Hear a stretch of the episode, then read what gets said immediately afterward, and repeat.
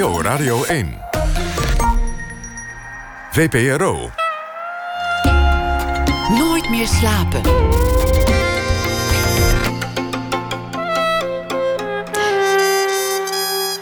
Met Floortje Smit. Welkom bij Nooit meer slapen. De Oekraïense danser Sergei Polunin was een grote ster in de balletwereld. Tot hij na een paar jaar stopte, plotseling. De documentaire Dancer vertelt zijn verhaal. Straks hoort u een gesprek met danser en choreograaf Ernst Meisner, die Polunin goed kent. En Erik-Jan Harmes die leest een verhaal voor bij het nieuws van de afgelopen dag. Maar eerst, komend uur zit tegenover mij dus ongeveer tot half twee Anja Meulenbelt, schrijfster, feministe en activiste. Meulenbelt, geboren in 1945 in Utrecht, schreef meer dan 40 boeken, maar u kent haar waarschijnlijk vooral van die ene. De schaamte voorbij. Dat was een taboe doorbrekend autobiografisch boek uit 1976 eh, over seks, liefde en de vrouwenbeweging. Meulenbelt verklaarde het persoonlijke politiek en werd prompt een van de boegbeelden van het feminisme. Sindsdien maakt ze zich onuitputtelijk en uh, op verschillende manieren sterk voor een betere wereld en strijdt ze tegen ongelijkheid. Zo gaf ze bijvoorbeeld uh, hulpverlenerstrainingen op, in het buitenland. Uh, ze maakte zich jarenlang sterk voor de Palestijnse zaak. Ze zat acht jaar in de Eerste Kamer voor de SP. Ze werd dit jaar lid van de nieuwe partij van Sylvana Simons. En kritiek pareert ze eigenlijk altijd nog even fel als 40 jaar geleden. Haar nieuwste boek heet Feminisme terug van nooit weg geweest. Omdat oma zich ook weer eens wilde mengen in het feminisme-debat. Dat zijn haar woorden, niet de mijne. Dat klopt. het is tijd, uh, schrijft ze, om niet langer te vragen wat er eigenlijk goed is voor vrouwen. Maar wat voor wereld we eigenlijk om ons heen willen zien. En natuurlijk gaan daar ook weer wat heilige huisjes omver. Anja? Ik zal mijn best doen. ja, nou in je boek in ieder geval. Uh, daar gaan we het zo zeker over hebben. Um, en je hebt ook heel veel geschreven over je leven. Um, over hoe je op je zestiende um, uit huis ging omdat je zwanger was. Bijvoorbeeld hoe je in de uh, vrouwenbeweging terecht bent gekomen. Maar ik wilde eigenlijk daarvoor nog beginnen. En ik vroeg me af, had jij poppen vroeger? Ja, ik had absoluut poppen. En uh, daar, daar voelde ik me buitengewoon verantwoordelijk voor. Ik weet niet eens of ik het leuk vond om ze te hebben, maar ik, uh, ik herinner me wel dat ik, ik had er een stuk of vijf. En die moesten dan allemaal in mijn bed, want ik vond het zielig voor die poppen die er dan niet meer bij konden. Dan lag ik vervolgens zelf wel heel ongemakkelijk. Dus dat zegt wel, psychologisch zegt dat wel wat. Ze moesten erbij. Ja, ja, ja. Nee, en ik kon er zelf eigenlijk nauwelijks mee bij. Dus dat, uh, ja, nee. Want ik had ook een hele lelijke pop, die heette Jetje. En, Hoe zag die eruit dan? Nou, dat was, ja, dat, dat, ja, dat was een, een beetje een naar soort rubberachtige, zo'n primitieve pop was dat. Maar ja, die kon ik toch niet wegdoen. Dus daar zat er wel in dat ik voor de verschoppelingen van de aarde wel opkwam. Dus dat zat er toen al. Uh, ik had daarna nog een hele mooie pop. Maar ik vond het onaardig om voor die mooie pop aardiger te zijn dan voor die lelijke. Dus eigenlijk was je voor de lelijke pop aardiger dan voor de mooie pop? Nou, dat oh, nou ook weer niet. Het is nou ook weer een beetje overdreven. Maar het zat, het zat wel het gevoel van rechtvaardigheid. Voor al je poppen even aardig zijn, dat zat er wel vroeg in. Ja. Was je ook een beetje een rebelskind? Nee, ik was een buitengewoon braaf kind. Echt waar? Ja. Ik had wel eens ruzie met mijn vader. En die, uh, dan was hij nogal was streng. En dan moest ik mijn excuses aanbieden. En nou, ik heb wel, dat, ik heb wel altijd zo mijn excuses aangeboden... dat hij wel heel goed begreep dat ik daar geen barst van meende. Dus dat, uh, dus, nou, een klein beetje rebels. Dat, dat was de, de, de, het verzet. Ja, ja. Dat zat meer in je toon. Erg en... klein verzet, ja. ja. ja. Denk je dat zoiets, zoals dat, dat zorgzame, hè, wat, je, wat je had voor die poppen, denk je dat dat, um, en dat rebelse wat er dus niet in zat, is dat aangeboren? Nee. uh, nou, dat weet je eigenlijk niet. Uh, wat je kan zien is bij kinderen uh, die dezelfde ouders hebben, dat die toch heel verschillend, verschillend van karakter kunnen zijn. Maar het heeft er ook heel veel mee te maken met wat er van je verwacht wordt. En of je daar nou juist aan toegeeft of je juist tegen verzet. En dat kan heel verschillend uitpakken. En wat werd er van jou verwacht? Uh, dat ik een braaf meisje was. Dus dat ben ik op het eerste gezicht ook tamelijk lang gebleven. Wie verwachtte dat dan? Je ouders? Mijn ouders. En het, ja, het, ik, ik kom natuurlijk uit een jaren 50. was een hele conservatieve tijd. Je was een, uh, een oorlogswinterbaby, hè? Dus ja. we zaten vol in Ja. de wederopbouw. Ja. Nee, en ik kom echt nog. eh, eh, ja, nee, ik, het, bij een, een deel van mijn familie heeft in het verzet gezeten. Dus ik ben ook in een soort half onderduik uh, geboren. Half onderduik? Nou, ik was, we waren verstopt. Niet echt verschrikkelijk zwaar ondergedoken, maar het, mijn ouders waren toen ook nog niet getrouwd. Die zijn ook via de achterdeur van het stadhuis nog snel eventjes getrouwd toen mijn moeder zwanger bleek. Dus ja, dat was een, een beetje een raar begin van mijn leven natuurlijk. Het klinkt wel als een heroïsche vrouw, die moeder. Nou, ze heeft uh, wat ze heeft gedaan. Ze, ze hadden in die tijd, het, uh, de, de, uh, waar mijn familie bij zat, was het, het Utrechtse Kindercomité, heeft dat, is dat later geheten. Die waar, breng, brachten Joodse kinderen in veiligheid. En mijn moeder hoorde bij de vrouwen die kinderen van een naar het andere adres moest brengen. Daar had je natuurlijk vrouwen voor nodig. Want een man die met drie kinderen over straat zou gaan, zou natuurlijk veel meer opvallen. en dat heeft ze wel gedaan, ja. Zag je dat nog terug in je. Nee, helemaal niet meer. Dat is wel een beetje, dat is jammer van die moeder van mij. Die zij heeft nog wel eens tegen mij gezegd: ik, in de oorlog waren, waren we nog gelukkig, want toen wist je nog waarvoor je leefde. En dat heeft ze eigenlijk nooit meer iets sociaals. Daarna is er niks meer van teruggekomen. Dus dat. Uh... Ze is eigenlijk een beetje verloren waar ze, wat ze moest doen. Ja, kennelijk had. Nou ja, ik weet het niet. Ze had iemand nodig. Het was, kijk, in de oorlog was het natuurlijk dringend. Uh, en uh, ze werd gevraagd: wil jij dat doen? En dat heeft ze toen gewoon gedaan. En dat, maar ze heeft daarna nooit meer uit zichzelf toegekomen om iets sociaals te doen of dus ik kan niet zeggen dat ik het echt uh, heb geërfd van mijn ouders. Wat voor rolmodel was het dan wel? Of was het geen rolmodel? Er was er geen. Ik, ik, had, ik, kan me, ik kan me niet herinneren dat ik rolmodellen heb gehad. Ik had een leuke oma. En die schrijfster was, maar dat heb ik er nooit zien doen. Maar ik bedoel, het was wel duidelijk dat je, dat, dat iets was wat je kon worden. Want dat, mijn oma was dat uh, inderdaad wel. En uh, nee, ik, ik las als kind. Ik was uh, vooral veel weg. Ik heb de kinderbibliotheek twee keer uitgelezen... en toen mocht ik vervroegd naar de volwassenenbibliotheek... omdat uh, ze het niet nodig vonden dat ik alles drie keer ging lezen. Dus ik was gewoon voornamelijk weg. Ik zou nu binge-watchen bij Netflix... maar ja, dat kon toen nog niet, dus dat waren boeken. Ja. Waren, waren daar wel vrouwelijke rolmodellen in te vinden in die tijd? Ook niet, hè? Nee, eigenlijk. Ik, meisjesboeken vond ik meestal slap.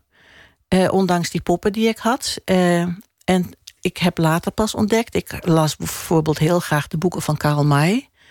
Dus eh, dat is voor de ouderen onder ons. Dat is Old Shatterhand en Tecumseh, de, de, de, de, de, de Indianen en de cowboys. En ik was erg op de hand van de Indianen, toen al. Dus dat, ook daar zat al iets merkwaardigs in. Want de meesten identificeren zich tamelijk automatisch... met degene van hun eigen kleur. Maar ik las pas bij uh, de, mooie film over, uh, over uh, James Baldwin... dat James Baldwin tot zijn eigen schrik als kind ontdekte... dat hij keek natuurlijk ook naar westerns... En dat hij zich natuurlijk ja, automatisch met de witte man uh, identificeerde... tot hij erachter kwam dat hij eigenlijk de indiaan was.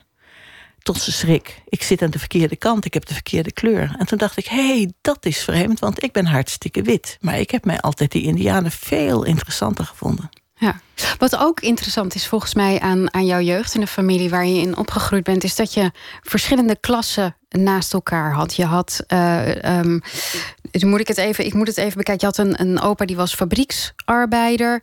Uh, je kwam zelf uit een redelijk welgestelde familie. Ja. Daar werd je ook eigenlijk uit. Daar, daar, viel je uit op het moment dat je als, als tiener zwanger raakte van een, een arbeider. Ja. Um, heeft dat je ook gevormd? Dat je al die klassen naast elkaar zag, die ongelijkheid? Nou, ik, ik, zag als kind heb ik daar niet veel van gezien. Dus het, het, kijk, het, het, was uh, mijn grootmoeder uh, als schrijfster, gepensioneerd, die was absoluut niet rijk. Die zat uh, tamelijk sober leven in een, in, een, in een klein huisje. Vond ik ook heel normaal.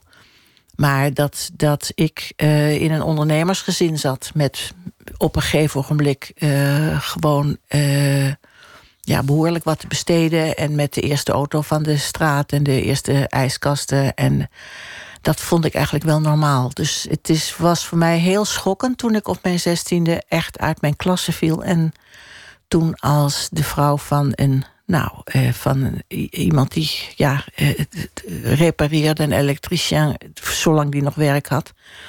opeens ontdekte dat de wereld er toch wel heel erg anders uitzag als je op een andere plek zat. Waar schrok je het meest van? Dat ik zo, zo, eh, dat ik zo onvriendelijk werd behandeld. Nog niet eens dat je elk dubbeltje moest omdraaien. Dat... Nee, dat heb ik nooit zo vreselijk. Ik heb periodes gehad in mijn leven dat ik heel weinig geld had. Daar kan ik, dat heb ik me nooit zo druk over gemaakt. Maar uh, ik, vooral dat als je ergens een winkel binnenstapte... dat ik je dan gewoon niet gezien werd. Terwijl ik, zolang ik nog de dochter van de directeur was... kon ik bij de winkels in de buurt kon ik wel terecht. En werd ik netjes behandeld. En, uh, dus dat je anders behandeld wordt... als je niet bij de hogere klasse hoort... dat is, dat is mij toen uh, wel heel erg opgevallen. Wilde je eigenlijk niet bij je ouders aankloppen voor hulp? Of, um... Ik had een slechte relatie met mijn ouders. Hm. Dus uh, toen ik uh, eenmaal het huis uit was met. En ik dus ook mishandeld werd. En is iets wat mij ook. Ik wist niet en ik kende niemand meer. Dus het, ik, het heeft mij een hele grote stap gekost om toch met hangende pootjes terug te moeten naar mijn ouders. Omdat ik echt niet wist dat ik anders moest doen. Wat moet dat eenzaam zijn geweest? Ja, behoorlijk.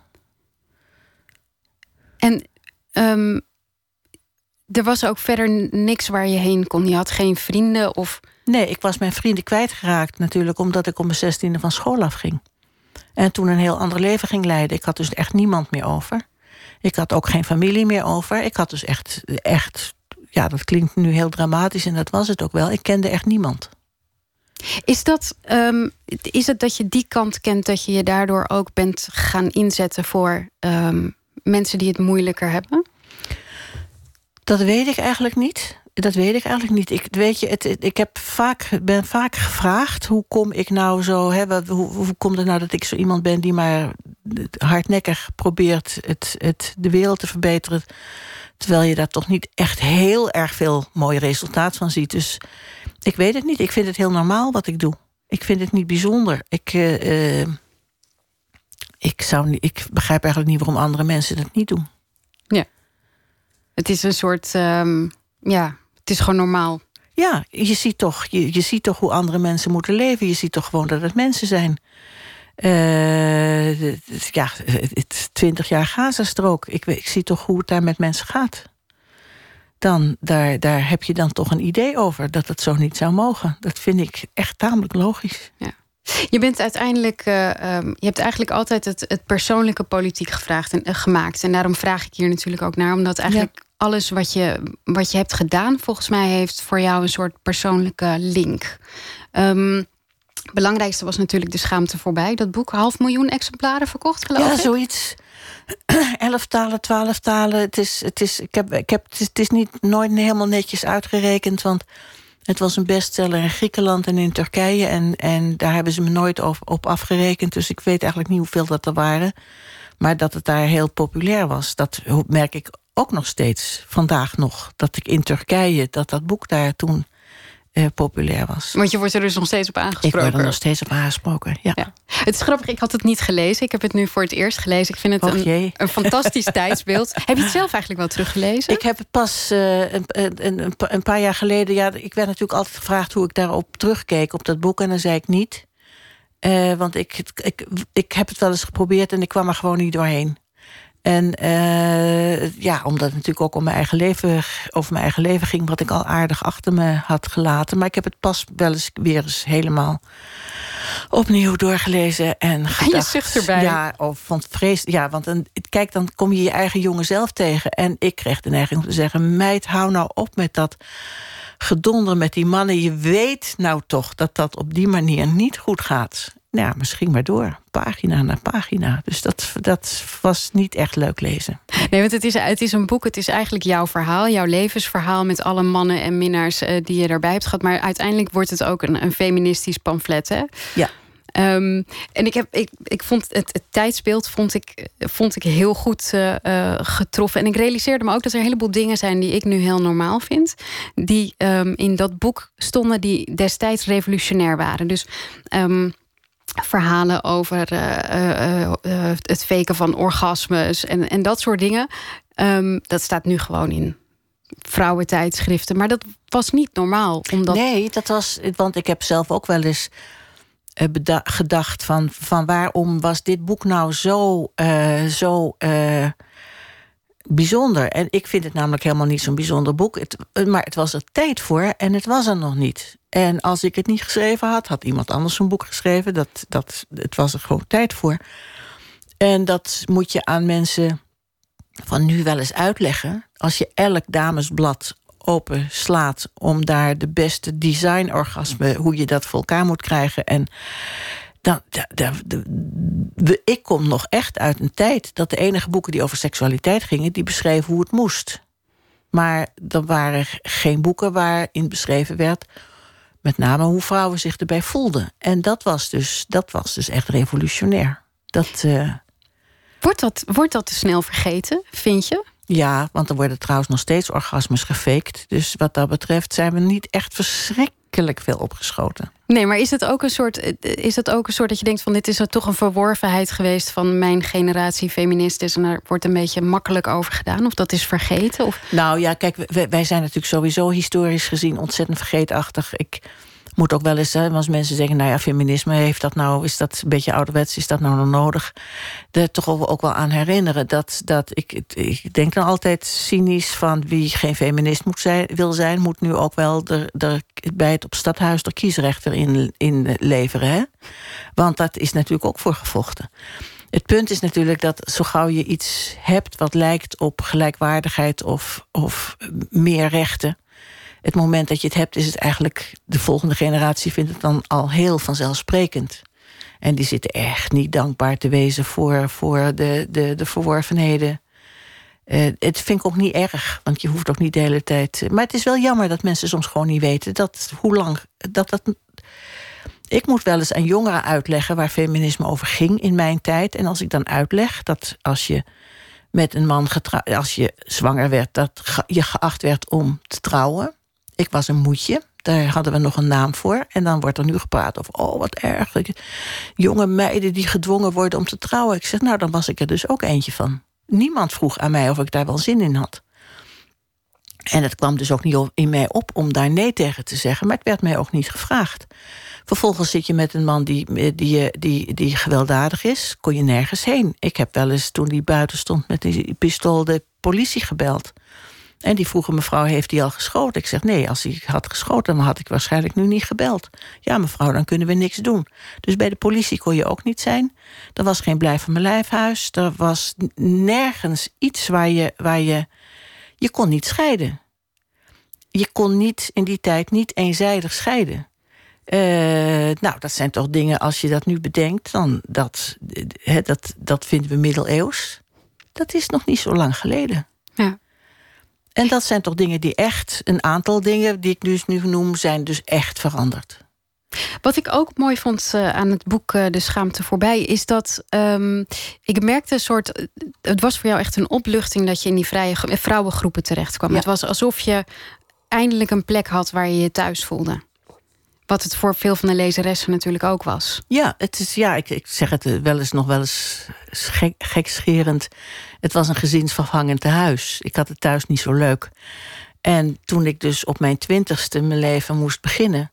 Ik denk, nou ja, de, de basale behoefte die bijna alle mensen hebben. Je wil gezien worden als wie je bent. En dan mogen zijn als wie je bent. En je wil ook nog ergens bij horen. Nou, dat vrouwenbeweging deed dat, deed dat alle twee. Dus het voldeed. Het was niet alleen maar actie voeren, maar het was ook een plek hebben waar je. Uh, nou, die oude eenzaamheid van zulke dingen mee moeten maken die ik had meegemaakt, terwijl je dat eigenlijk met niemand over kon praten.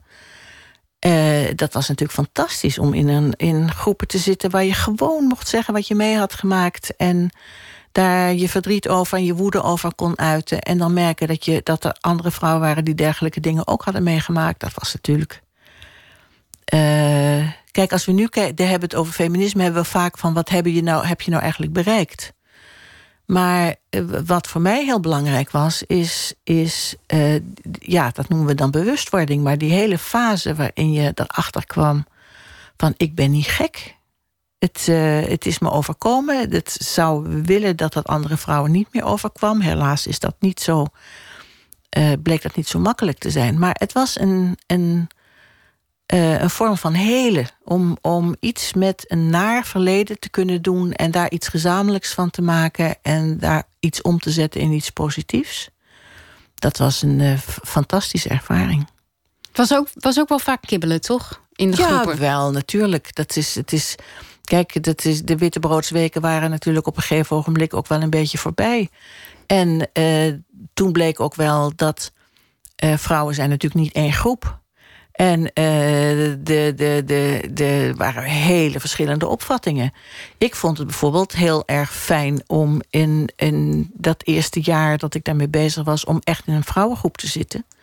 Maar dat was voor mij nooit zo ontzettend principieel van zo moet het ook altijd blijven. Nou, ik kreeg natuurlijk ruzie met de dames van de Bonte Was, die meer van het separatisme waren, die echt vonden dat mannen niet deugden en dat je daar niets meer mee te maken mocht hebben. En uh, je gaat toch niet met je vijand naar bed? Nou, ik wel dus, hè? Dus, uh, en nog tamelijk veel ook, kon je in dat boek lezen. Dus ik werd toen de schaamte voorbij uit, kwam meteen uitgeroepen door die, die kant van het feminisme, maar daar is niet veel meer van over. Uh, als de, de, de pionier van de feministische corruptie, want ik kreeg er ook nog geld voor. Hm. En dat mocht niet. Je naam mocht eigenlijk überhaupt niet op het je boek, toch? naam mocht er niet op. Uh, nee, dat was met de eerste artikelen kreeg ik al ruzie. Want we hadden toen een vrouwenkrant. En dat was, dat was natuurlijk heerlijk. Want uh, zonder enige pretentie ben ik begonnen te schrijven. Zonder mijn naam eronder, zonder geld voor te krijgen. Maar toen kwam, er was een weekblad toen, dat heette De Nieuwe Linie. En de redacteur kreeg die krantjes in zijn handen. En die zag daar wel een paar leuke stukken in. Die wou hij wel voor de krant hebben. En eh, nou, had er drie uitgekozen. Dat bleken dus wel drie die door mij waren geschreven. En dat vond de opperheks van, het, van, de, van, de, van de Bonte Was vond dat dus niet goed. Die zei, dat kiezen wij wel uit. Nou, zei die meneer, dat dacht ik eigenlijk niet. Want jullie zijn de redactie van de Vrouwenkrant... en ik ben de redactie van deze krant. En toen heb ik dus, ben ik zo stout geweest... om die drie stukken af te staan... en daar ook nog helemaal 75 gulden voor te krijgen. Ik was daar zo trots op. Ben je, is, is, het, is het gekibbel de reden dat je, dat je er een beetje afstand van hebt gedaan na 25 jaar? Hè? Je bent op een gegeven nee moment... hoor, dat, het was niet vanwege het gekibbel. Het was gewoon, ik, het, ik was een beetje uitgepraat. Op dat moment uh, dacht ik, ik ben mezelf aan het herhalen. En ik mocht elke keer op 8 maart weer hetzelfde verhaal houden. En ik dacht van, nou, het wordt nu gewoon een beetje saai. Ik moet gewoon echt wat anders gaan doen. En laat nou de jongere generatie maar het aanpakken. En dan wil ik wel zien of er andere dingen uitkomen. Dus het was, nee, ik heb alle ruzies altijd vo volledig doorstaan. Zo van, luister, het is ook mijn vrouwenbeweging. Dus ik ga absoluut niet weg. Ook niet toen ik een boek had geschreven over mannen... wat in de vrouwenwinkel, boekwinkel niet werd verkocht. dat zijn allemaal wel geestige. ja, dat waren allemaal wel leuke dingen. En dat, uh, ik heb me daar gewoon. Wel, ja, ik heb wel eens een, een, traantje gelaten, maar ik heb me daar over het algemeen niet zo vreselijk veel van aangetrokken. Het Toch was, gedoe allemaal. Ja, nee, maar dat was ook helemaal niet zo gek. Dat was ook niet zo raar. Kijk, feminisme gaat ook over, over de manier waarop we leven. Dat is niet iets wat je. Wat je het zijn niet alleen maar opvattingen.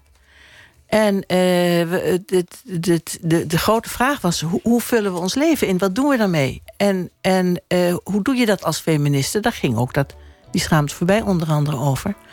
Daar waren verschillende opvattingen over, vanzelf. We gaan straks verder praten over waarom je er toch nog een keertje mee wilde bemoeien. Strakjes uh, na het nieuws van uh, 1 uur. Dan uh, praat ik verder met Anja Meulenbelt. verder hebben we ook nog de documentaire Dancer... waar we het over gaan hebben. Erik-Jan Harmens die, vertelt nog een verhaal bij het nieuws van de afgelopen dag. Dat strakjes na het nieuws van 1 uur.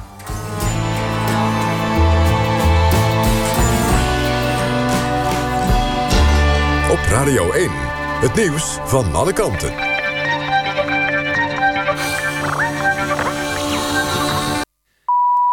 1 uur Patrick Holtkamp met het NOS-journaal.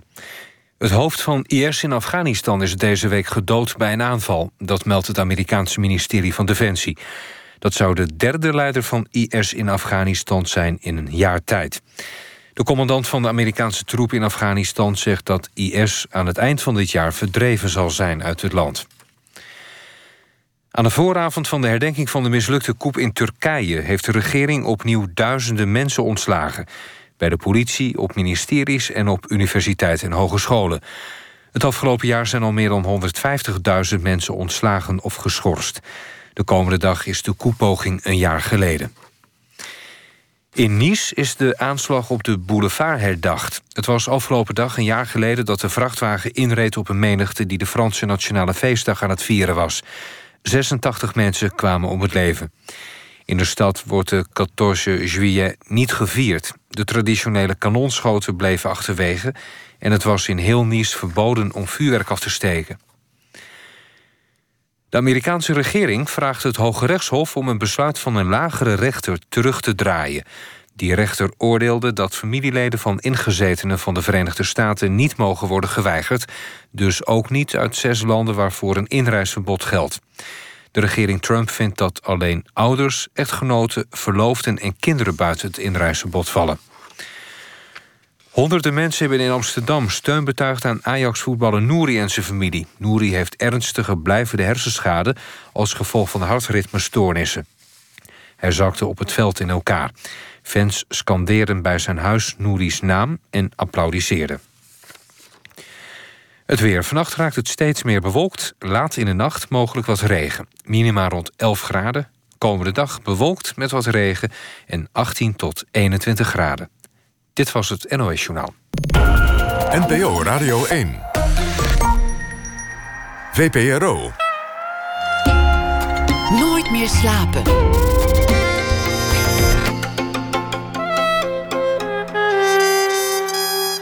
Met Floortje Smit. Welkom terug bij Nooit meer slapen. En tegenover mij zit nog steeds uh, Anja Meulenbelt. Anja, we hebben het net eigenlijk gehad over je jeugd. En over hoe je eigenlijk een, uh, een thuis vond bij de vrouwenbeweging. Een beetje warmte die je eigenlijk van thuis niet had meegekregen. Um, uh, we hadden het over het kibbel binnen de vrouwenbeweging. Hebben we het ook over gehad. En ik wilde nu naar jouw boek. Want je, je hebt het eigenlijk lang naast je laten liggen, dat hele feminisme. En nu je er toch weer een boek over geschreven. Terug van Nooit Weg geweest. Waarom moest er nou toch nog gewoon weer een boek komen over het feminisme? Uit ergernis. Dat geldt voor veel van mijn boek hoor. Ik maak me ergens kwaad over. Ik denk, uh, ze snappen het nog niet. En uh, ik dacht, ik ga me er maar weer eens mee bemoeien. En de ergernis, dat had een paar redenen. De ene is dat het net begon te lijken alsof feminisme niks anders was dan hoeveel vrouwen aan de top en uh, hoe doorbreek je het glazen plafond? Uh, en dat opzij een prijs gaf aan minister. Uh, die voor haar geweldige um, um, verdiensten op het gebied van het bezuinigen op de zorg. Waarvan ik dus wist dat er duizenden vrouwen hun baan door waren kwijtgeraakt. En als dat feminisme was, dacht ik, geef mijn portie dan maar een fikkie. En toen dacht ik, ik moet toch echt ook uitleggen dat feminisme in principe voor alle vrouwen is. Uh, dus ook voor uh, gekleurde vrouwen, uh, vrouwen met, met, met minder opleiding. Die komen nooit in de buurt van een glazen plafond. Mannen trouwens ook niet. Dus gaat feminisme daar niet over. En toen dacht ik, ik moet weer terug. Eerlijk gezegd, mijn aller, allereerste boek dat ik ooit heb geschreven... was niet de schaamte voorbij, maar feminisme en socialisme. Ik zei van, je, je moet tegelijkertijd ook over klassenverschillen hebben. Je kunt niet alleen maar hebben over verschillen tussen mannen en vrouwen. Je moet het ook hebben dat er tussen vrouwen onderling ook heel veel verschillen zijn. Nou, dat is nu meer waar dan ooit. En daar wou ik het over hebben. En, uh, en het andere is dat ik zag dat feminisme heel erg door rechts werd gekaapt om moslims mee op de oren, om de oren te slaan. Daar kon ik ook niet tegen. Dat ziet er dus ongeveer zo uit. Wij in Nederland, eh, bij ons in Nederland zijn eh, vrouwen eh, gelijkwaardig. In principe, in theorie. In werkelijkheid valt dat dus nog reuze tegen. En wij moeten al die buitenlanders met die moslimachtergrond uit gaan leggen hoe ze met vrouwen om moeten gaan. Dacht, nou, breekt mijn klomp. Want uh, ik weet toevallig wel dat het, eh, de, de hoeveelheid uh, seksueel geweld en, en geweld binnen relaties bepaald niet is verminderd. Dus moeten, moeten mensen, die, mannen die hier naartoe komen als migrant, van ons leren hoe ze met vrouwen om moeten gaan? Is dat een voorbeeld? Is dat wat we willen dat zij ook leren? Nou, dacht ik dus eigenlijk niet. Dus dat zijn twee dingen waar ik me nogal over op, op begon te winden. En ik dacht, nou, oma legt het nog één keer uit. Als je wil dat feminisme gelijkwaardigheid, rechtvaardigheid voor alle vrouwen is, dan moet je het ook hebben over klasse en over kleur. Het, het eerste, ik wil het eerst even over het, eerste hebben, over, over het glazen plafond. Het is toch heel belangrijk dat uh, vrouwen op die posities zijn, dat andere vrouwen ook kunnen zien dat, uh, ja, dat er gewoon dat de maatschappij gemengd is. Dat een vrouw ook op bepaalde plekken terecht kan komen. Dat is een, dat is een klein voordeel. Alleen het, voor mij is het wel belangrijk wat die vrouwen doen als ze daar aan de top zitten. En als uh, de minister Schippers alleen maar, maar, vrouwen ontslaat, dan vind ik dat niet echt een, een, een voorbeeld waarvan ik denk: kijk, behalve dat is het natuurlijk heel praktisch zo dat je kunt wel uh, naar de voorbeelden kijken naar de vrouwen aan de top. Maar dat is voor een groot deel van de vrouwen helemaal niet weggelegd. Uh, die hoeven niet, uh, de, de, de vrouwen die bij de, achter de kassa zitten in de supermarkt, die hoef je niet een, een quota aan te bieden van hoeveel vrouwen. Want daar moet je meer gaan kijken van. Hè, dus bijvoorbeeld onderwijs, ja, daar zitten voornamelijk vrouwen. Als je dat niet meeneemt. Um, ik, ik geloof niet zo erg in dat dat voorbeeld van die topvrouwen... dat dat zo geweldig werkt. Het geeft alleen maar vrouwen het gevoel dat zou ik ook moeten kunnen... alleen het lukt dus niet. Dus ik heb liever meer voorbeelden van uh, die haalbaar zijn, die voor, voor, voor vrouwen. Uh, als rolmodel dan, dan weer een mevrouw de minister. Hoeveel vrouwen kunnen er minister worden, zelfs als je het eerlijk zou delen? En, en dan dat, uh, het andere, dat rechtsfeminisme gekaapt heeft. Ja. Betekent dat dat je niet rechts kan zijn en feminist tegelijk? Nee. nee? Nee. Kun je dat uitleggen? Nou, dan ben je uh, als je rechts bent en dus niet wil kijken naar verschillen tussen arm en rijk... en daar ook niet, niet iets aan wenst te doen... dan betekent dat je feminisme is alleen maar voor een toplaag. Dat vind ik dus in mijn definitie van feminisme... Uh, waarbij het moet gaan om uh, alle vrouwen... en niet alleen maar voor je eigen geprivilegeerde laagje... witte, hoogopgeleide vrouwen. Dat mag je... Ach, kijk, we hebben eens afgesproken... dat we geen pauze hebben en geen politbureau... die beslist wie zich feministen mag noemen als minister Schippers zich een feministe wil noemen, moet ze dat vooral doen. Ik vind het dus niks. En um, de hele discussie over, um, over, de, over de islam en over feminisme, daar wil je ook niet aan. Ik ben daar uitgebreid en jarenlang mee bezig geweest. Met de islam? Met de islam, onder andere omdat ik twintig jaar lang in de Gazastrook eh, heel intensief ben geweest en heel veel weet van emancipatieprocessen van islamitische vrouwen, ook binnen buitengewoon ingewikkelde en moeilijke uh, uh, samenlevingen. Ik heb toen het gedonder in Nederland begon ook voor gezorgd dat ik veel met uh, moslimorganisaties te maken had. Ik heb islamitische vriendinnen, buitengewoon feministisch, met hoofddoek. Ik heb de Koran gelezen en heb ook veel gelezen over de studies over feminisme en islam. Dus ik weet er heel erg veel van af. Ja. Is het, eh, want eh, wat je zegt in je boek eigenlijk is dat je vooral heel veel bruggen wil slaan tussen mensen. Uh, maar dit zijn wel twee voorbeelden waarbij je mensen toch juist weer tegen je in het harnas jaagt. Nou, ik zeg ook niet dat ik bruggen wil slaan tussen alle mensen hoor. Ik wil bruggen slaan tussen mensen die proberen om en van onze maatschappij om daar een rechtvaardige maatschappij van te maken. Die in principe ervan uitgaan dat mensen gelijkwaardig zijn. Die er ook wat aan willen doen als ze zien dat eh, mensen slecht worden behandeld. Als vluchtelingen slecht worden behandeld. Als migranten slecht worden behandeld. Dat zijn de mensen waar ik bruggen eh, naartoe wil slaan.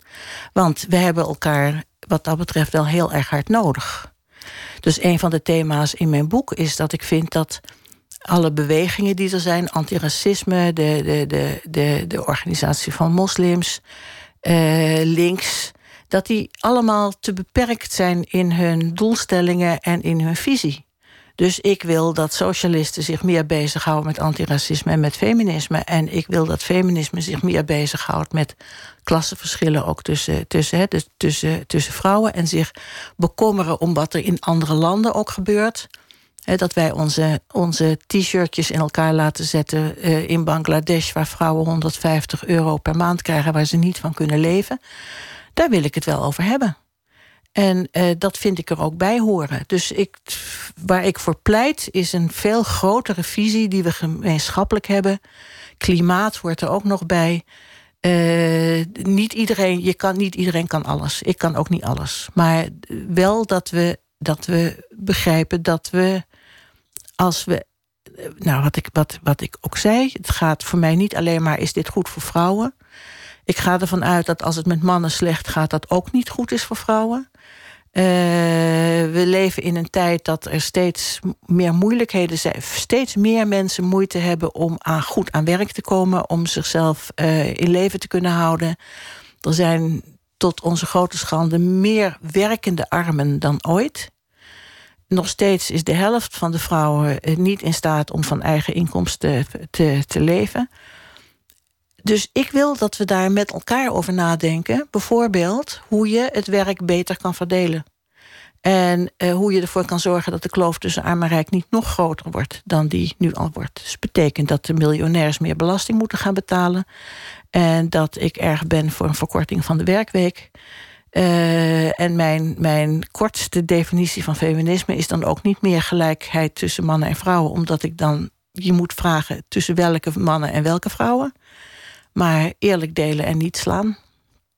Het, um, als, je, als je al die. Het is, het is een heel utopisch uh, beeld wat je wil, eigenlijk. Ja. Kan het wel?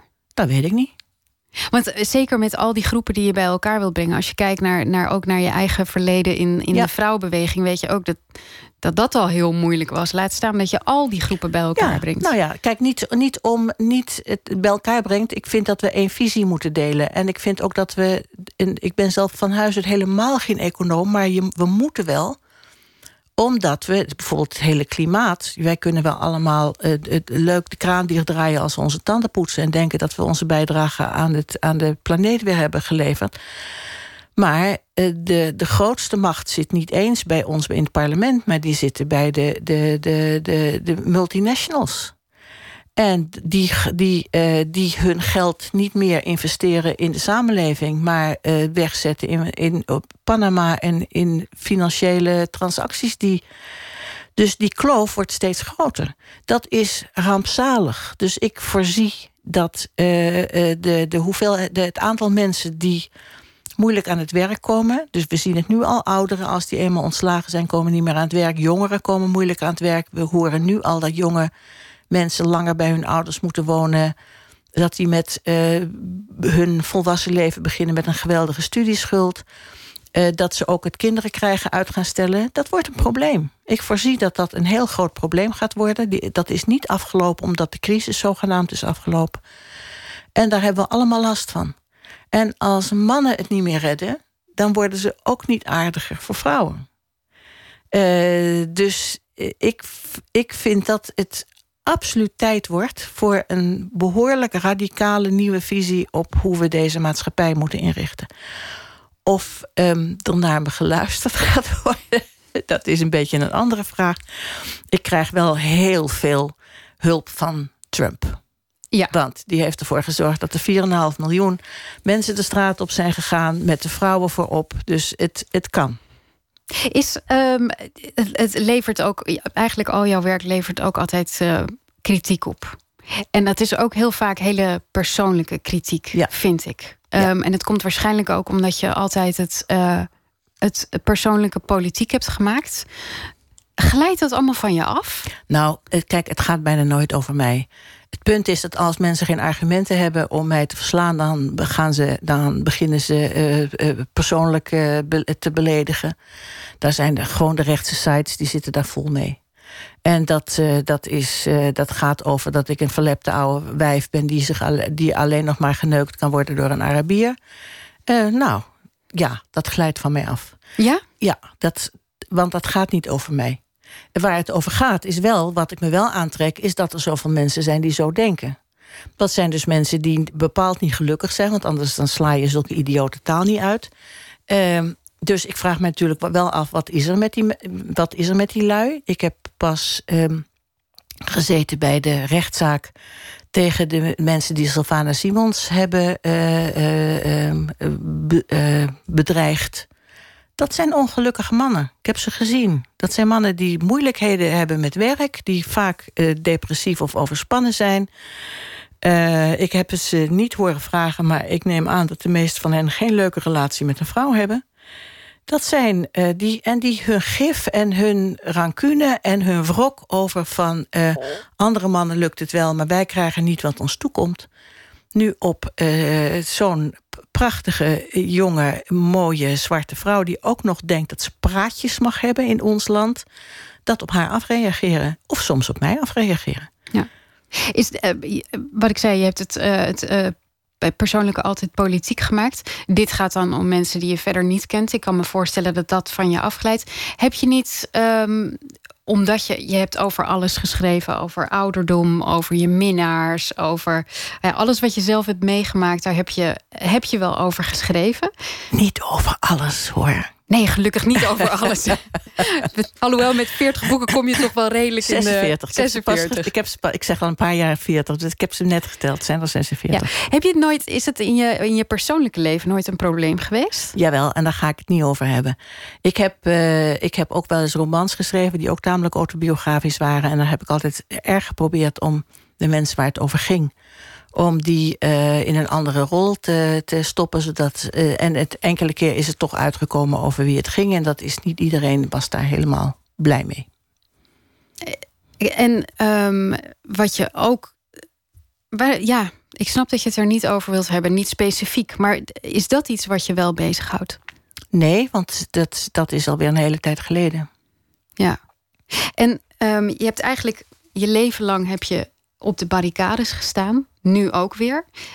Was er nooit een moment dat je dacht van nou, nu hoeft het gewoon niet meer? Is er is nooit het moment geweest dat ik dacht het hoeft niet meer. Er zijn wel vele momenten geweest dat ik dacht van waar doe ik het in godsnaam voor? Ja, waar doe je het in godsnaam voor? Nou, ik kan niet anders. Ik, uh, ik kan het niet aanzien. Ik word helemaal gek als ik thuis zou zitten. Uh, en, en alleen maar, nou, ik bedoel, ik kijk al nauwelijks meer naar de televisie, omdat ik daar helemaal, helemaal akelig van word.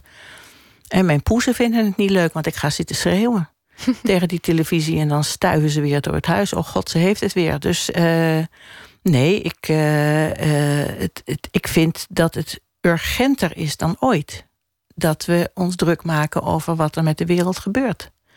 Ik vind de, de, de, de absolute onverschilligheid tegenover het lot van, van, van vluchtelingen... vind ik zo gruwelijk dat iemand een grap kan maken over dobbernegers... en vervolgens nog steeds door de media wordt uitgenodigd... om daar stukken in te publiceren. Ik vind dat dus niet te geloven.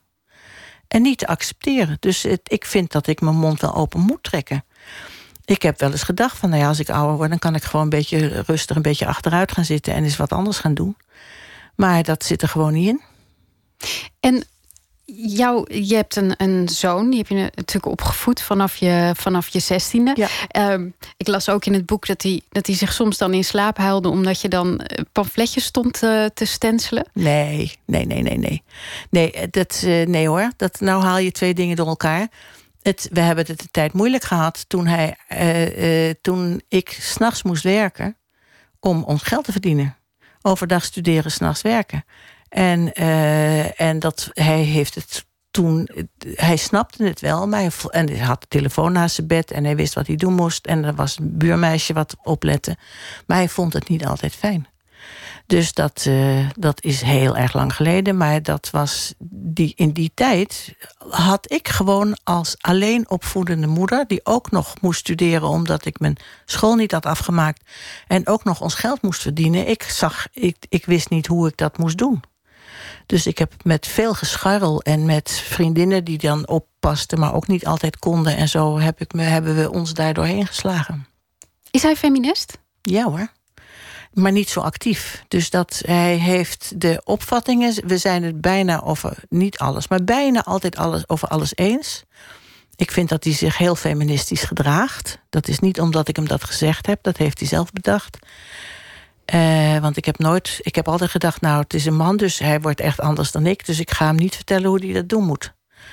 En, uh, maar hij is niet zo'n zo'n um, zo'n um, uh, wereldverbeteraar als ik. Dat, dat laat hij wel aan mij over. Je krijgt er niet mee de barricades op? Nee, dat krijg ik nu, maar wel gezellig om daarna leuk na te praten. Dus dat, dat, ik, heb een, ik vind dat ik een hele erg leuke relatie met hem heb. Ja. Ik vroeg me wel af of, of dat hele leven op, op de barricades... of dat niet iets gekost heeft. Ik heb nu geprobeerd je zoon. Ja. Ehm, niet dus. Nee. Maar heb je nergens eh, misschien menselijke relaties... of wat daardoor gesneuveld is? Ja hoor, er is best wel eens wat gesneuveld door. Uh, dus mijn werk in, in voor Palestina heeft me uh, een paar Joodse vrienden gekost. Maar heeft me ook andere Joodse vrienden gebracht hoor. Dus het is natuurlijk. Als ik moet vertellen waarom ik dat maar doorga met dit. Ik kom de allerleukste mensen tegen. En nog dagelijks. Als ik mensen van mijn leeftijd hoor die een beetje mismoedig zeggen: Ja, nou ja, kijk, als je zo oud bent als wij, dan kun je nooit meer oude vrienden maken. Nou, ik heb daar dus werkelijk. Eh, eh, ik maak nog steeds vrienden. Nieuwe vrienden, jongere mensen. Eh, ik kom dus echt, ja, ik kom de leukste mensen tegen. Is dat toch weer om iedere keer weer ergens aansluiting te vinden?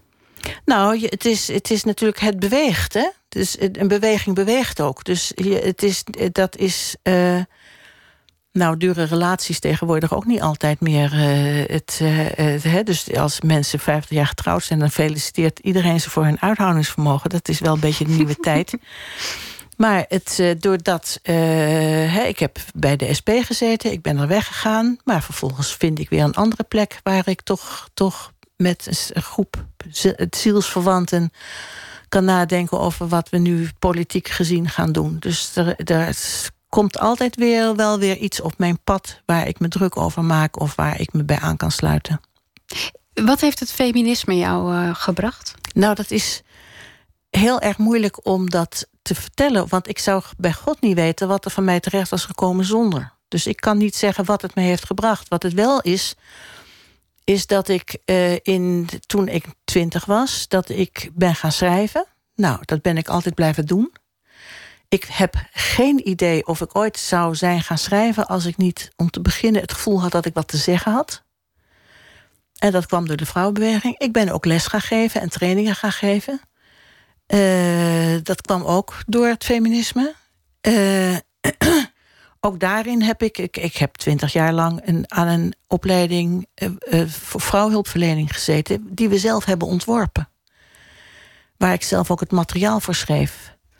Dus dat is, ik heb in ieder geval twee vaardigheden in mijn leven uh, heb, ik kunnen ontwikkelen dankzij de vrouwenbeweging. En je bent, je bent onlangs ook gedoopt. Ja, dat is ook alweer een tijdje geleden. Maar ik ben gedoopt. Ja. Nou, onlangs, ja, precies. Is, is dat. Um, hoe ruimt zich dat met het feminisme? Is dat nog een, een worsteling geweest? hoe kom je er toch bij om te denken dat daar een tegenstelling tussen is? Daar zit een oordeel in. Ja, dat klopt. Nou, zeg maar. Het, het, het oordeel is natuurlijk dat, dat een kerkelijk instituut juist niet heel veel oog heeft voor, voor vrouwen. Heel veel kerkelijke instituten hebben heel weinig oog voor vrouwen. En daar ben ik dus ook niet bij aangesloten. Welke ben je wel aangesloten? Ik, ben, ik zit bij de Amsterdamse Ecclesia. En dat noem ik altijd mijn linkse kerk. En dat is het ook. Dus uh, daar kan ik, uh, er is geen spat een verschil tussen mijn politieke opvattingen en het feit wat ik daar vind in die kerk. Dus het idee wat er vaak achter zit, als, ik krijg dat vaak te horen hoor. Mensen horen dat ik gelovig ben, die denken dan dat, ik, dat, dat er iets raars met me is gebeurd en dat ik nou conservatief ben geworden. Het idee dat geloof altijd conservatief is, dat is precies waar moslims ook zo'n last van hebben. Het is namelijk gewoon soms wel waar en soms helemaal niet.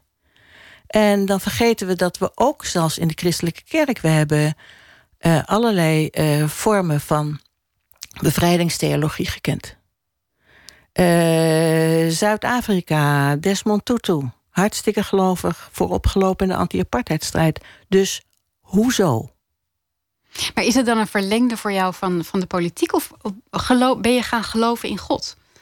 Uh, dat, nou, dat, dat, we gaan, eh, God, God wordt een, is een beetje, dan moeten we je nog eens uitnodigen, want dat is een heel verhaal. Uh, of liever helemaal niet zo'n verhaal, want ik heb daar ook niet zoveel tekst over eigenlijk. Uh, nee, het, het, het, als je kijkt naar waar alle grote geloven over gaat, gaat het allemaal over rechtvaardigheid.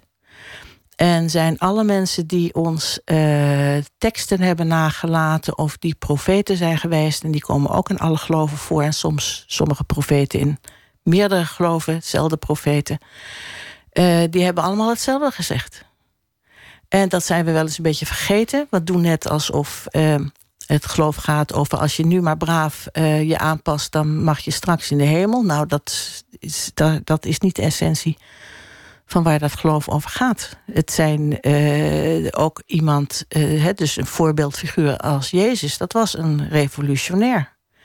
Die zich verschrikkelijk opwond over de bezetting van zijn land door de Romeinen, maar zich ook opwond over de, de, de, de, de, de, de, zeg maar, het was toen nog geen kerk, maar de, de gelovige instituties die mensen uitbuiten en vertelden hoe ze leven moesten, terwijl ze vergaten waar het eigenlijk over ging. Als je dat verhaal, dat Jezus-verhaal zo leest, dan is het dus een heel links verhaal. Ja, een heel links verhaal. In jouw boek Feminisme terug van nooit weg geweest is eigenlijk ook gewoon een pleidooi voor, voor een meer socialistische Eigenlijk had er misschien socialisme op moeten staan in plaats van feminisme. Had ook gekund. Het maakt mij niet uit van welke kant je begint. Nee. Anja Meulenbad, uh, dank je wel dat Graag je hier wilde zijn. Jouw boek uh, Feminisme terug van nooit weg geweest... Uh, ligt nu in de boekwinkels.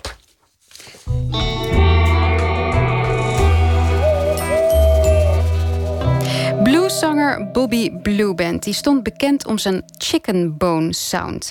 En uh, dat is een soort zang die hij dan afwisselt met keelkliks en gegrom. We draaien een van zijn mooiste nummers, I'll Take Care of You.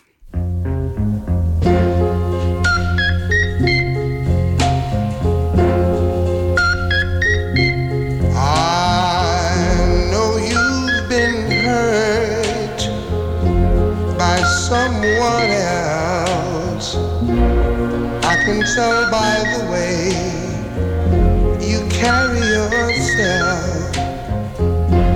But if you let me, here's what I'll do I'll take care of you. I, I loved and lost the same as you. I know just what you've been through. But if you let me, here's what I'll do. Oh, I just got to take care of you. You won't ever have to worry.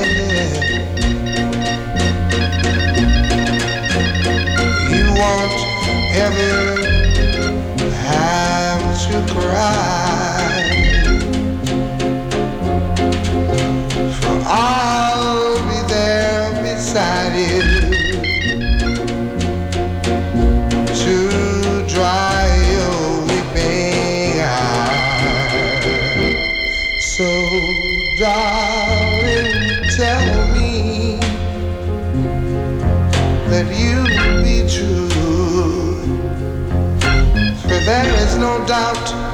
My mind. I know what I want to do.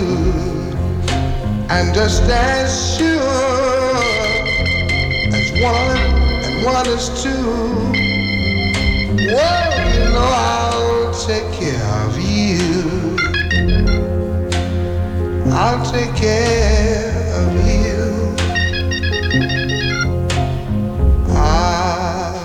Elke week vragen we een schrijver of een dichter om met proza te reageren op het nieuws van de voorbije dag. En deze week wordt dat verzorgd door Erik Jan Harmens.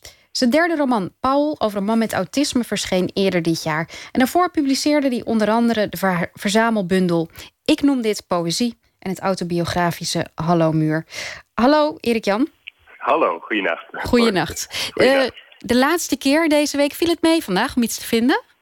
Mm, nou, het is wel duidelijk dat we flink in de komkommertijd zitten. Dus, ja. uh, en, dus, uh, en sowieso gaat alles natuurlijk over Nouri, de voetballer, maar daar had ik gisteren al iets over geschreven. Ja. Um, dus ja, nee, voor de rest is het ontzettend veel uh, um, ja, over de vermeende gezonde effecten van voeding of, of de, dat soort dingen. Dus nee, ik moest het echt hebben van de Telegraaf dit keer. Och, heerlijk. ja, dat kan ook een keertje. Ja, vertel. en, Nou, die had een interview met de vertrekkend algemeen directeur van Zeeman. En dan denk je, nou, wat moet je nou met een interview met de vertrekkend algemeen directeur van Zeeman? Maar ik heb iets met Zeeman en dat staat in het verhaal. Ik uh, ben heel benieuwd, laat maar horen. Ja. In een interview vanochtend in De Telegraaf wordt de vertrekkend algemeen directeur van Zeeman, Bart Karis, gevraagd naar de filosofie van zijn bedrijf. Zeeman staat voor opmerkelijke eenvoud, antwoordt hij. Hij zegt ook iets over een concurrent, de Action. Zij expanderen echt giga, maar wij kunnen er prima naast opereren. Dat argument ga ik voortaan ook gebruiken als ik praat over collega-schrijvers die meer boeken verkopen dan ik. Hun oplages zijn enorm, maar ik kan er prima naast opereren. Of over mijn ex, die ten huwelijk is gevraagd door haar grote vakantieliefde. Ze maken echt een hele gelukkige indruk samen. Maar ik kan er prima naast opereren. Ik heb Jan Zeeman, de oprichter van de blauw-gele textielketen... eens geïnterviewd voor een boek dat ik met vrienden maakte... over de plaats waar we opgroeiden... en waar een halve eeuw geleden de eerste Zeeman werd geopend... Alphen aan den Rijn. Jan liep de boardroom binnen in een donkerblauw polo-shirt vol witte vegen. Alsof hij net had gestuukt. Na het vraaggesprek vroeg hij tot mijn verbazing om een lift naar huis... en wees me de weg door op mijn rechterschouder te tikken als we naar links moesten... en met zijn knokkels op het raam rechts te kloppen voor rechts. Bij de feestelijke presentatie van het boek stonden mijn vrienden en ik met champagnefluitjes in de hand te mingelen met hoogwaardigheidsbekleders, waaronder de burgemeester. Terwijl helemaal aan de andere kant van de zaal Jan Zeeman in geanimeerd gesprek verwikkeld was met medewerkers van de catering. Hij had een schoon polo-shirt aan, zonder vegen. Ik zag opmerkelijke eenvoud die me ontroerde. Is, is dat wat je ook ontroert aan de winkel? Uh, nou, de winkel kom ik eigenlijk echt helemaal nooit. maar, ik dacht, jij, jij hebt iets met de Zeeman. Jij komt nee, nu met zo'n schitterend verhaal. Met, ik heb echt alleen maar iets met Jan Zeeman. Niks met zijn winkelketen. Ik vind het heel knap dat je van één zaak zeg maar, in 50 jaar zoveel uh, zaken kan maken. Maar dit is echt een unieke man. En het was zo grappig dat iemand die... Ik weet niet hoe rijk die is, maar hij is echt zeer vermogend dat hij dan na zijn interview eigenlijk gewoon heel nonchalant even zegt van... oh, uh, kan, uh, kan ik een lift van je krijgen naar huis? Ik zoiets aparts. En dat hij dan zo ook zo navigeerde, weet je wel... door echt zo in mijn arm te prima's en naar links moest. Echt zo heel bazig. En tegelijkertijd, als Jan Zeeman het doet, is het ongelooflijk schattig. het is een hele schattige, lieve, bescheiden man. Uh, dus, uh, en mede, nou, hij komt niet uit Alphen, maar hij heeft er wel uh, lang gewoond en veel opgebouwd. Dus ze hebben iets met Alphen aan de Rijn met elkaar gemeen ook. Ja, maar het is natuurlijk ook zo dat dat soort mannen dat, mannen dat soort bedrijven kunnen opbouwen. Omdat ze dus blijkbaar geen geld uitgeven aan taxis. ja, dit is de reden dat hij zo vermogend is geworden natuurlijk, ja.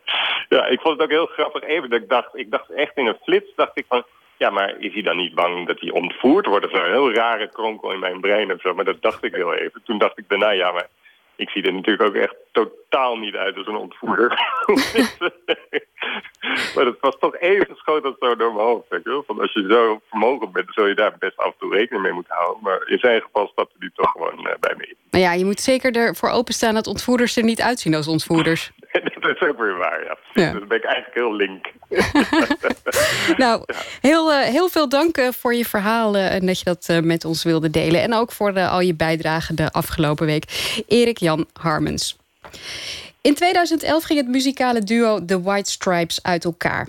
Eerder dit jaar bracht Jack White een plaat uit... waar hij naast zijn eigen muziek ook akoestische versies... van nummers van The White Stripes uh, uitbracht.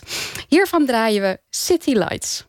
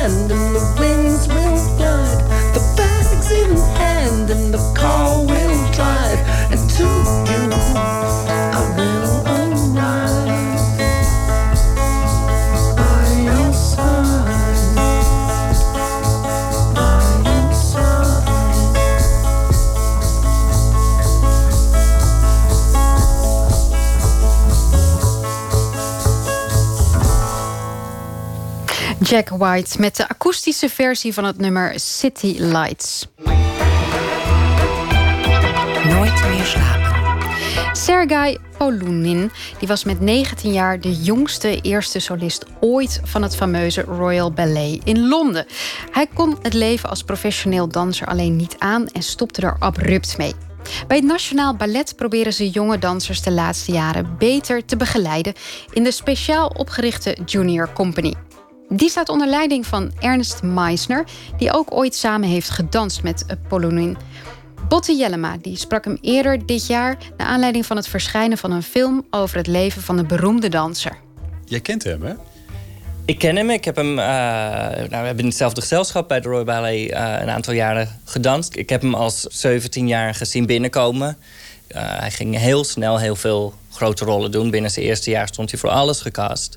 En, en hoe goed ken je hem dan? Kom je dan in de gangen tegen of praat je met hem? Of hoe werkt dat? Nee, we zaten in, de, in dezelfde B, in de kleedkamer. Dus in hetzelfde, hetzelfde stukje met, eh met z'n achter. We, hebben, we zaten samen te darten en, eh, en op de Nintendo in de pauzes. En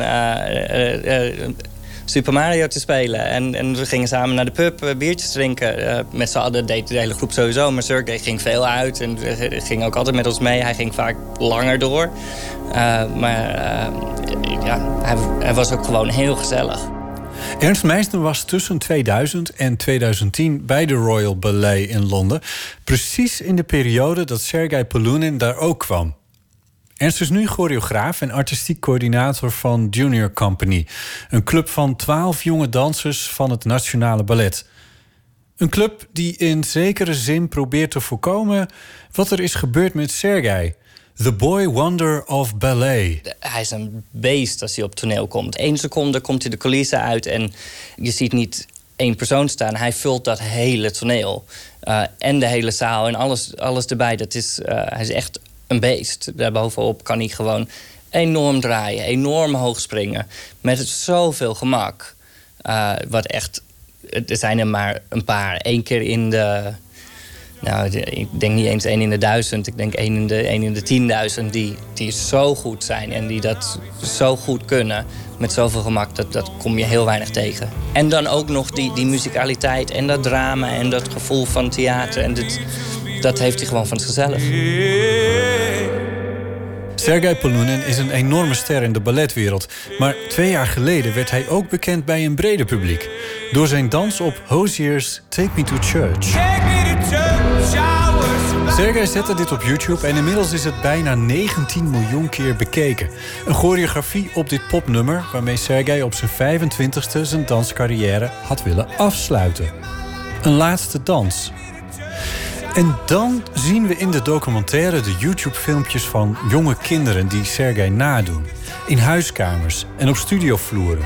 Pogingen om net zo hoog, ver en sierlijk te springen als Sergei Polunin. и начинает импровизировать балет.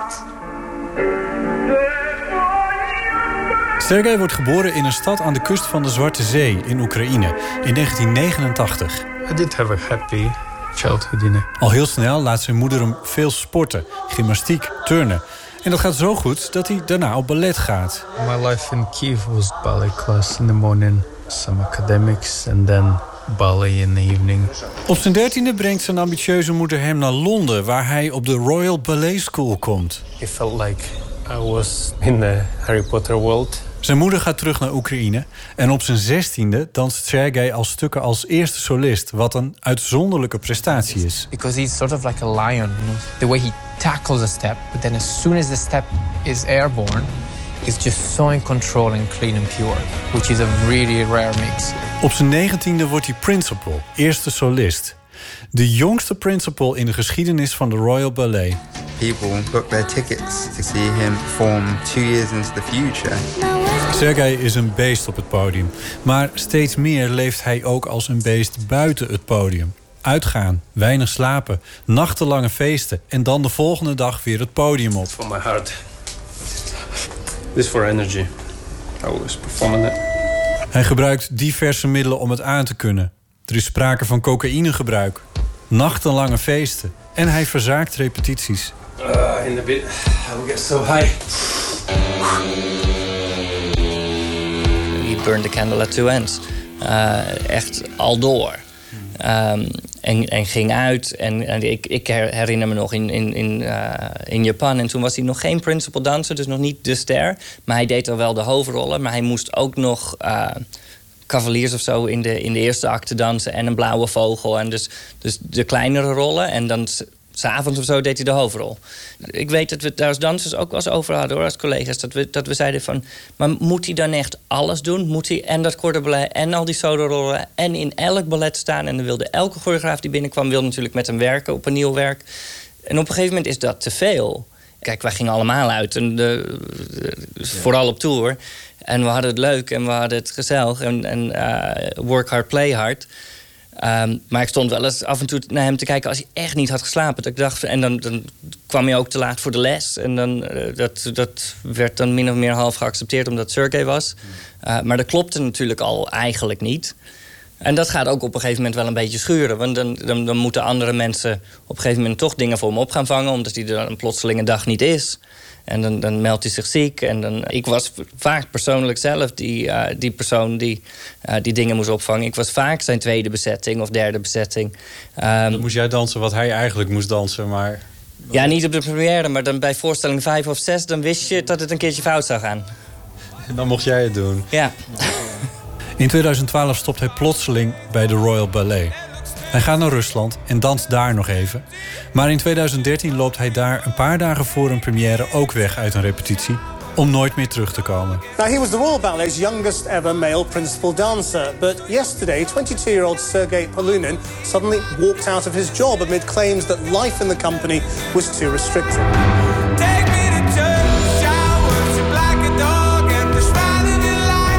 Zijn dans op Take Me to Church is bedoeld als afsluiting van zijn danscarrière.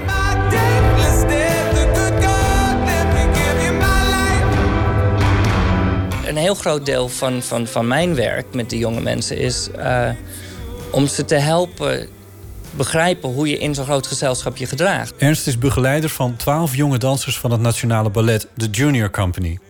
Dansers in de leeftijd die Sergei ten tijde van dit verhaal ook had. Hoe sta jij gewoon in de les? Hoe, hoe ga je met repetitors om, met de balletmeesters? Dat, dat gaat letterlijk al om, om gewoon s'morgens iemand gedag te zeggen. En dat is vaak niet eens omdat ze dat niet willen, maar omdat ze een beetje bang zijn. Uh, hoe ga ik ermee om als ik een blessure heb? Dat je dat vroeg genoeg aangeeft... Uh, in plaats van er maar op door te dansen... omdat je bang bent dat je het niet mag zeggen. Kortom, hij is een aanspreekpunt voor de jonge dansers... en de ogen en oren voor het gezelschap... om te voorkomen dat iemand buiten de boot valt. Ja, je kan, kan nog zoveel jong talent hebben... maar ze, ze hebben allemaal hun eigen verhaal... en allemaal hun eigen gebruiksaanwijzing. Hoe, en dan is het maar net van hoe ga je daarmee om? Hoe, hoe snap je iemand? En hoe trigger je ze om het, om het beste uit zichzelf te halen... maar ook, ook wanneer moet je ze even stopzetten... En misschien is dat niet genoeg gebeurd met, uh, met Sergey, want het, het ging maar door. Uit de documentaire kan je niet goed opmaken waardoor het nou is misgegaan. Was het de veeleisende moeder, de afwezige vader, onhandigheid van de Royal Ballet of gewoon het karakter van Sergey? Maar dat hij helemaal vastdraait, is duidelijk. Ik denk zijn, zijn behoefte aan, aan zijn familie. En om zijn familie samen te krijgen. Wat maar de hele tijd niet lukt. En dan gaan die ouders uit elkaar. En, dan, en, hij zit in een ander land. En eigenlijk waar hij behoefte aan heeft... is dat stukje liefde en dat stukje familie. Wat ik... Uh, natuurlijk ziet eruit zo'n hartstikke groot, stoere jongen met tattoos en alles. En dan, en dan kijk je ernaar en denk je van... eigenlijk is het gewoon een software die zijn familie nodig heeft. En dat is, dat is heel normaal. Dat is, uh, maar dat vond ik heel touching. Maar dit verhaal is niet het einde van de danscarrière van Sergei Polunin. Hij raakte door de reacties op zijn YouTube-filmpje Take Me to Church zo geïnspireerd dat hij nu werkt aan allemaal nieuwe dansprojecten. Zou jij de jonge dansers van Junior Company eh, aanraden of meenemen zelfs eh, naar de bioscoop om deze film te gaan kijken? Uh, ik weet zeker dat ze het allemaal gaan zien. Want het, het, is natuurlijk een enorme grote ster en fantastische danser. En dat moeten ze absoluut gaan zien. Uh, ja. Ja, dus. Ja, dus. ja, wat hoop je dat ze daaruit uit oppikken uit die film? Ja, maar afgezien van dat hij heel mooi danst, hè, maar... Dat hij, ja, dat, dat hij geweldig danst. Het, het, is natuurlijk een heel speciaal verhaal. En ik denk, het, het enige wat je er misschien uit op moet pikken... is dat je, dat je ook echt op jezelf past. En dat je, dat je dat vroeg genoeg leert te doen. Want ballet is keihard werken en je moet keihard werken. En je moet dat, je moet dat leven ook willen leiden. Ballet is niet iets wat je van 9 tot 5 kan doen. Je moet dat ergens willen, maar je moet ook best wel heel veel kracht mentaal hebben... om jezelf ook nog een stukje bescherming te geven. En, en, en uh, voor jezelf te blijven zorgen. Zodat de, de, zodat de balans goed blijft.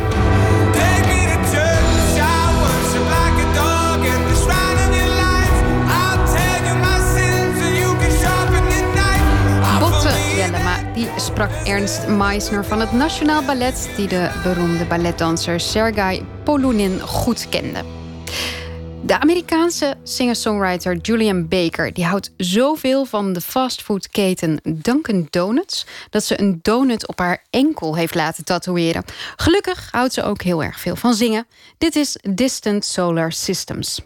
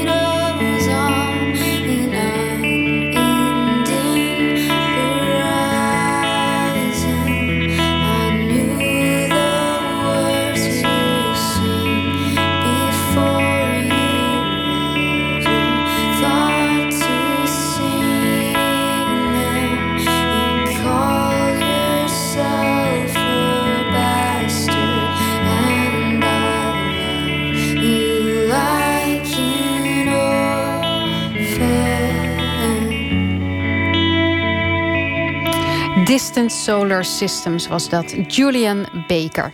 En dan gaan we verder met één minuut. Een serie vol wonderlijke verhalen in 60 seconden. De bijdrage van vanavond heet Bijltje. Pst, één minuut. Ik ging naar de juwelier een cadeautje kopen. De mevrouw van de juwelier die zei, uh, laten we er dan maar even naar kijken. Dus wij zaten samen aan een heel klein tafeltje. En uh, toen uh, verstrakte zij. En toen klonk er een stem, go under the table. En ik keek omhoog en er stond een kerel met een uh, bivakmuts op. En die had een bijltje in zijn hand. En uh, mijn eerste gedachte was, wat een stom bijltje. Want het leek net of hij die net bij de praxis had gekocht. Ze sloegen met hele zware dingen al het veiligheidsglas voor de vitrines stuk. En uh, ik lag voorover onder de tafel en de verkoopster die was alleen maar aan het beven. Ik heb er heel goed over kunnen praten, dus ik heb het idee dat ik het goed verwerkt heb. Maar laatst kwam mijn zoon langs met de vraag of ik een bijl voor hem wilde slijpen.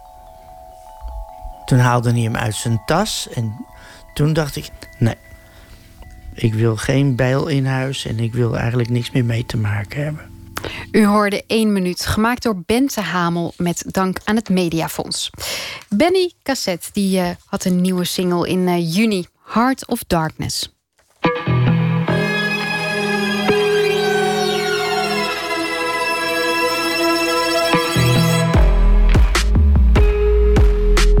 How many times did I change for you? Change for me? How many times did we make love when it was all just make believe? I'm laying here next to you. I feel like I'm by myself. I leave, but I just can't take the side of you with somebody else. How many times did I change for you? So I gotta run away, run away into the cold of night. Yeah, I gotta run away, run away somewhere that I can hide. Cause we both have fallen to a dangerous place where you love so much that it turns to hate in the heart, heart of darkness. Deep into the heart, heart darkness.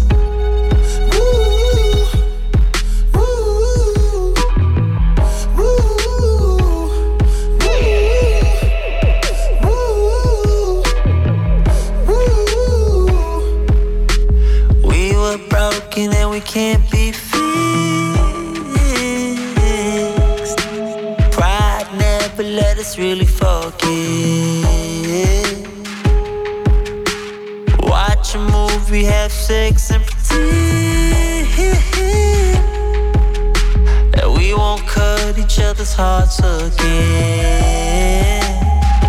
I'm lying here next to you. You split and I throw a fit. I leave, but I just can't take the thought of you with somebody else. We're too broken and we can't be fixed.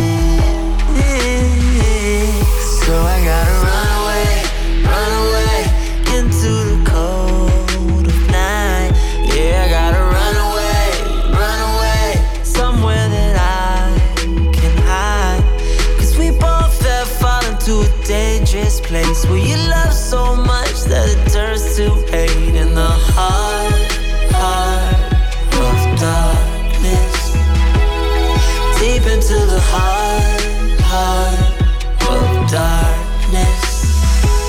I wanna take your side of my heart and then put it to the left side. Take the other side, it's the motherfucking best side. Your side of the heart, wanna put it on the left side. Take the other side. I wanna take your side of my heart and then put it to the left side. Take the other side, it's the motherfucking best side. Your side of my heart, wanna put it on the left side. Take the other side. So I gotta run away, run away into the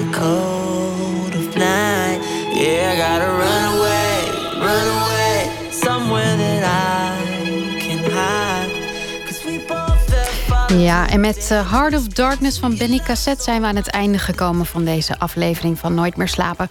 Komende maandag komt uh, Karin Swering langs. Zij is de hoofdredacteur van de Nederlandse Vogue. En uh, dat magazine vierde onlangs haar vijfjarig bestaan. Dat onder meer dus op maandag. Straks kunt u luisteren naar De Nacht van de Radio. En ik wens u alvast een hele goede nacht.